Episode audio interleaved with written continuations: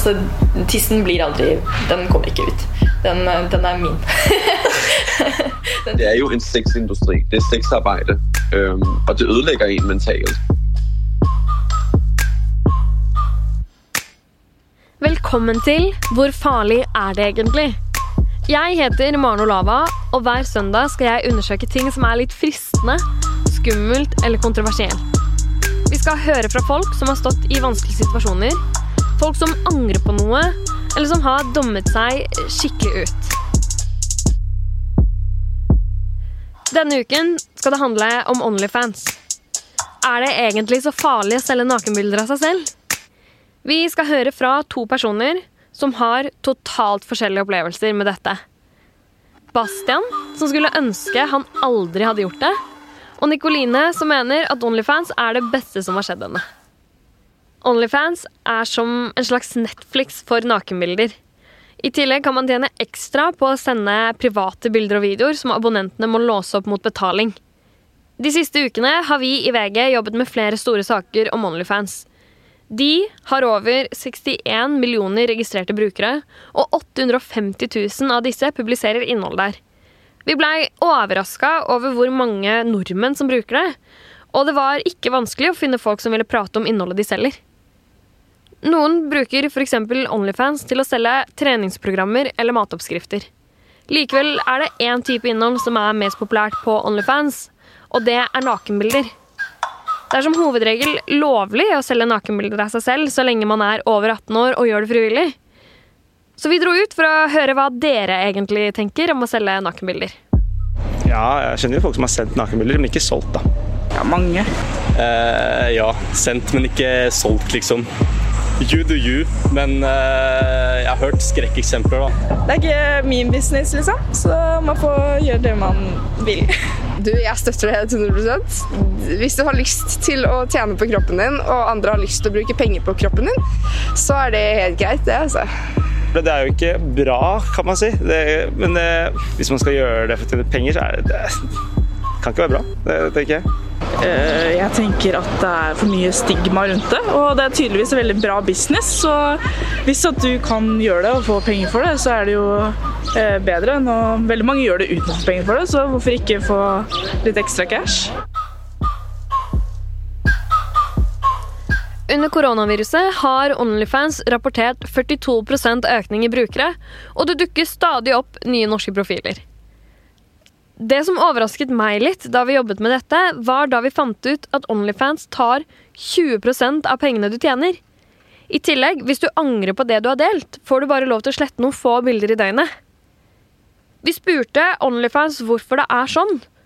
Det svarte de egentlig ikke på, men de sier at man kan slette profilen sin når som helst. Dersom du kun vil slette bildene dine, så får du bare ta vekk noen per dag.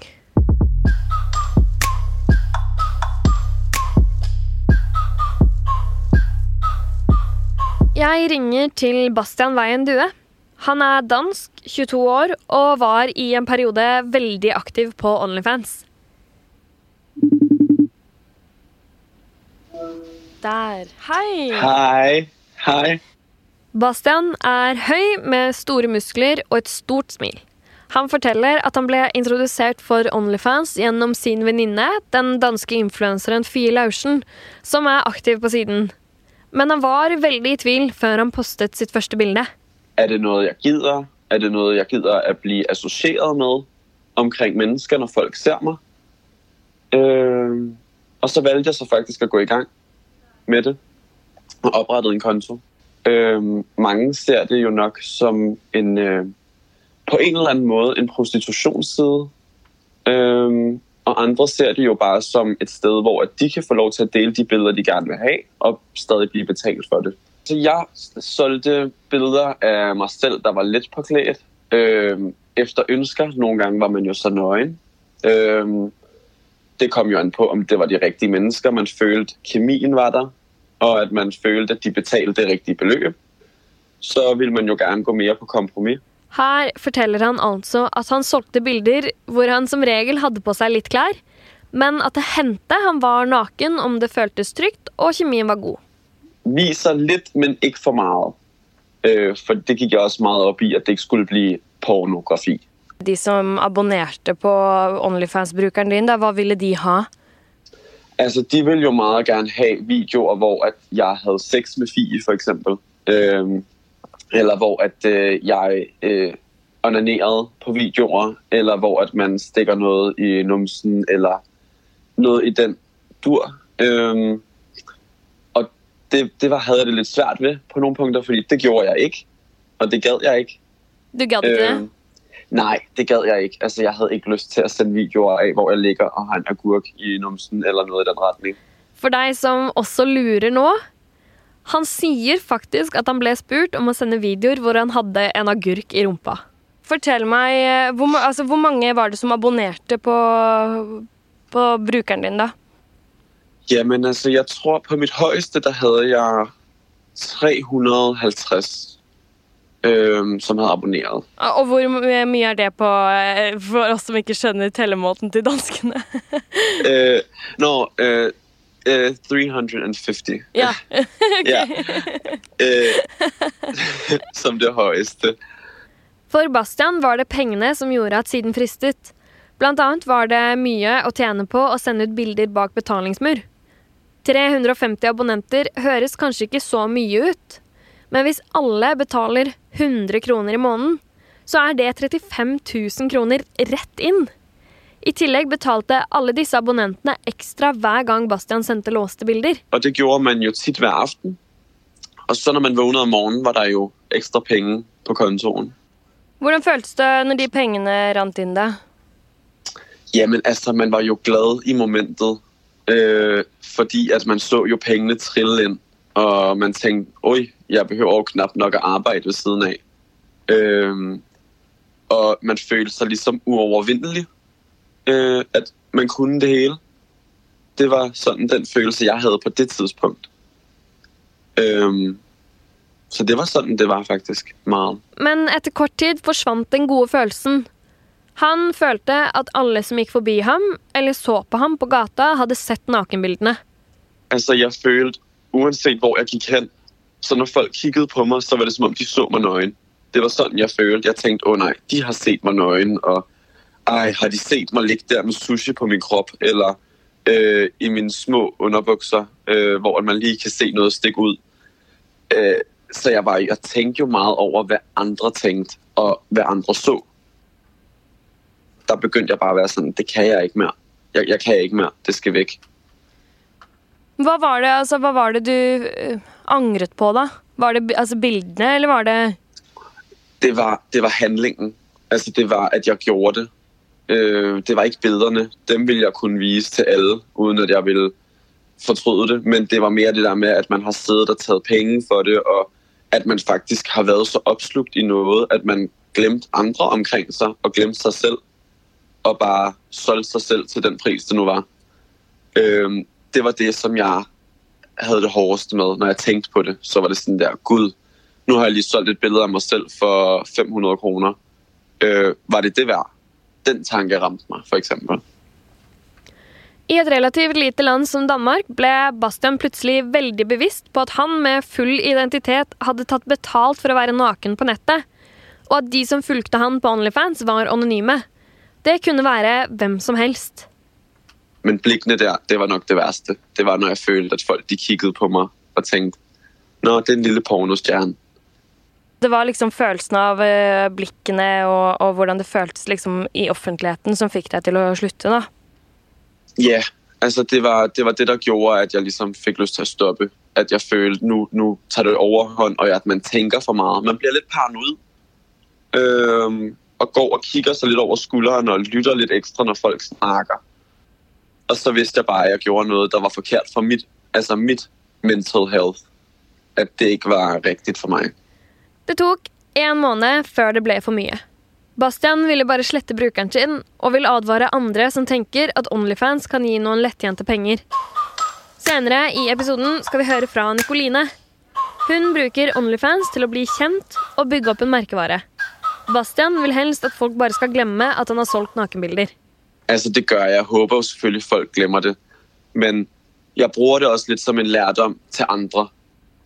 Hvis man kan håndtere det og gøre det ordentligt, så synes jeg, det er fint nok.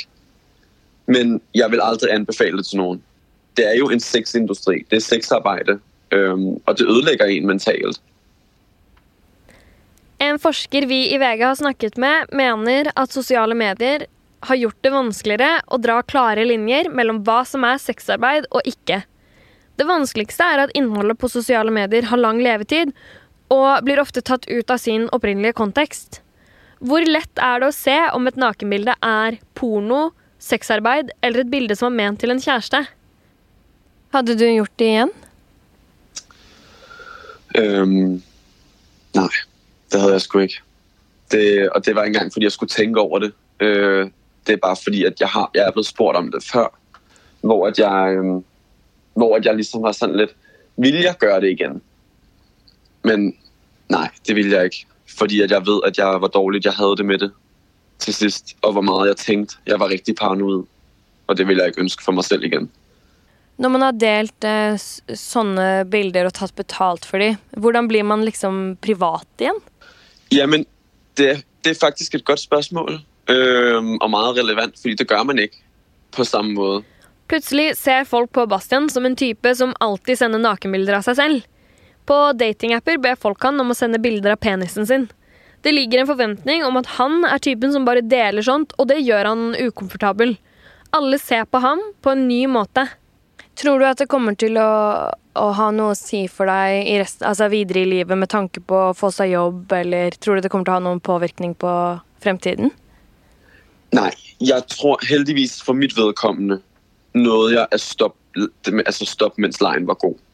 Øh, I forhold til f.eks. andre som så blir desideret pornostjerner.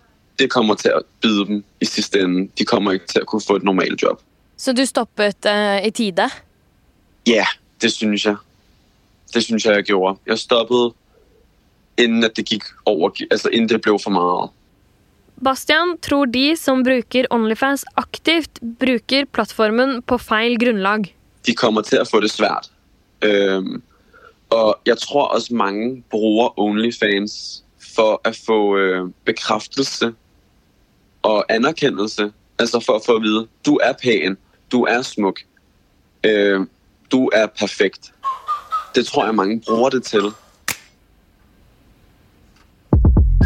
Bastian mener det ikke kommer noe godt ut av å bruke Onlyfans. Men vi i VG har snakket med flere som elsker å tjene penger på å selge bilder og videoer på siden. Jeg heter Maren. Hei. Koselig. Nikoline Devik lever av sosiale medier, og store deler av inntekten hennes kommer fra nettopp Onlyfans. Når jeg kommer inn i leiligheten hennes, snakker hun og kollegaen min Chichi om den kjente Instagram-profilen Dan Bilzerian, som Nikoline møtte i LA. Ja, ja. Oi. Hun har en private jet. Oi. Det er ja, det var gjerne kule greier. Ja. Instagram deler Dan Bilzerian stadig bilder av seg selv omringet av vakre, lettkledde damer. Det var i miljøet rundt Dan Bilzerian at Nicoline fikk venninner i LA og oppdaget Onlyfans. Så jeg var jo i LA, eh, og så så jeg noen venninner som jeg hadde fått der nede, la ut en swipe-opp-link til Onlyfans. Og det er nå nesten et år siden. Og da spurte jeg venninnen min som jeg bodde hos i LA, hva det her var. Eh, siden hun, hun, er jo veldig inne i miljøet. Eh, og da sa hun til meg at nei, Onlyfans det er en, en sosial medieplattform hvor du kan tjene helt sykt mye penger ved at du bare legger ut behind the scenes-bilder fra fotoshooter f.eks. Det trenger ikke å være noe mer enn det. Eh, og da lagde jeg meg en profil, og så tenkte jeg ok, det er moro å bare lage det. Så får vi se hva som skjer. Og så la jeg ut linken, og så ser jeg at eh, dæven, folk begynner jo faktisk å abonnere på det her. Begynner, det begynner å rulle inn penger, liksom. Så jeg syns det var veldig gøy og ble fascinert, først og fremst. Det var der det begynte. Det høres uskyldig ut, men Nikoline deler ikke bare behind the scenes-bilder på Onlyfans nå. Fordi man kan publisere innholdet bak betalingsmur, bestemmer man selv hvor mye man vil ta betalt, men også hvor drøye bilder og videoer man vil dele. Sånn video kan være um, Det kan være alt mulig rart. Av og til så kan det være at jeg ligger i senga og, og bare har en liten snutt, men, men, um, men jeg legger aldri ut noe helt nakent. Har det hender at jeg legger ut pupper, men eh, der har jeg dratt min strek, da. Men er jo, folk er jo veldig åpne. Folk Onlyfans kan være alt fra matlagingskurs til porno. Eh, så det er jo, det er jo veldig, veldig forskjellig, da. Bastian fortalte at grensene stadig blir flyttet når man tjener penger på Onlyfans. Men Nikoline er helt klar på hva hun aldri kommer til å dele. Når jeg scroller gjennom profilen hennes, ser jeg mest lettkledde bilder, men hun deler også ganske mye pupper. Og bilder som nesten, men bare nesten, viser underlivet hennes. Men jeg har dratt streken med det å legge pupper. Um, så uansett om jeg ligger i senga eller om jeg står og lager mat, så, så, er det aldri noe mer enn en pupper. Tissen blir aldri Den kommer ikke ut. Den, den er min. den trenger ikke noen andre å se. Men um, jeg er veldig sånn Pupper og nipler, det er jo ikke egentlig så farlig. Det er jo som sagt, det kan komme konsekvenser hvis du ønsker å ha en konservativ jobb eller eh, gå på skole. Da burde du kanskje holde deg litt unna. Det er verdt å nevne at Onlyfans sier til meg at nakenbildene på plattformen representerer mindre enn halvparten av det totale innholdet. Men når vi spør hva de tjener på det seksuelle innholdet, sammenlignet med f.eks. treningsinnhold, svarer de oss ikke. Nikoline har ikke lyst på en såkalt vanlig jobb eller å ta mer utdanning. Kan hun leve resten av livet med utgangspunktet hun bygger gjennom Onlyfans og sosiale medier? Jeg har lyst til å skape min egen business, og der, eh, det betyr også at jeg kan skape mine egne regler om eh, hva jeg syns er greit på om jeg skaffer meg ansatte. Så kommer ikke jeg til å synes at det er noe negativt at du har hatt noen nakenbilder. Altså, herregud. Det må da Det er jo Vi lever i Jeg føler at det burde være så mye mer åpne det det er. Altså, det er jo ikke så Vi har jo f.eks. Kim Kardashian, da, som prøver å bli advokat, og hun har jo en lekka pornovideo. ikke sant? Hvorfor skal ikke jeg og mine toppløsbilder kunne bli advokat da? Det gir jo ikke mening. For meg så er det her noe av det beste jeg noen gang har gjort. Så hvorfor kan det ikke bli sånn for andre også? Nikoline tror det skyldes at nordmenn ikke er særlig åpne når det kommer til seksualitet. Er man prostituert hvis man lever av kroppen sin? Dette har Nikoline mange tanker om, og hun er lei av fordommene hun stadig møter på. Onlyfans, nakenbilder, det er eh, Det er jo sett veldig ned på. Eh, det er veldig tabu da, å skulle legge ut noe sånt frivillig.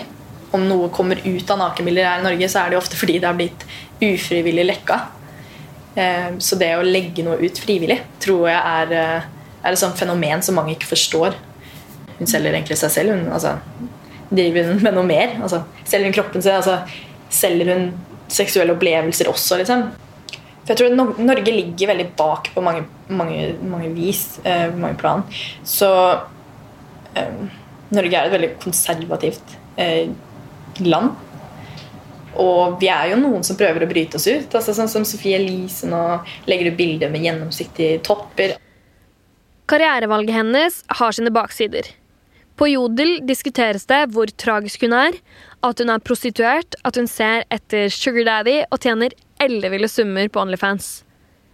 De tar latterlig feil, ifølge Nikoline selv. Bastian mener at pengestrømmen etter hvert stopper opp om man ikke byr på mer og mer. Tenker Nikoline at hun skal bruke Onlyfans for alltid? Altså, jeg har jo også sett på det som at Onlyfans er en ting jeg gjør nå. Det er ikke nødvendigvis noe jeg kommer til å gjøre videre i mange, mange år. Eh, akkurat nå så er det det som er aktuelt for meg. Eh, om jeg plutselig kunne slutte med Onlyfans, jeg tror det har vært litt rart. fordi jeg er jo innom Onlyfans hele tida. Det, det er en rutine. Eh, om eh, jeg skulle slutte å ta nakenbilder? Ja, kanskje. Å bestemme selv hvem som får se kroppen hennes, og hvor mye de må betale for det, gjør at hun føler seg sterk. Men ikke alle er enig med Nikoline.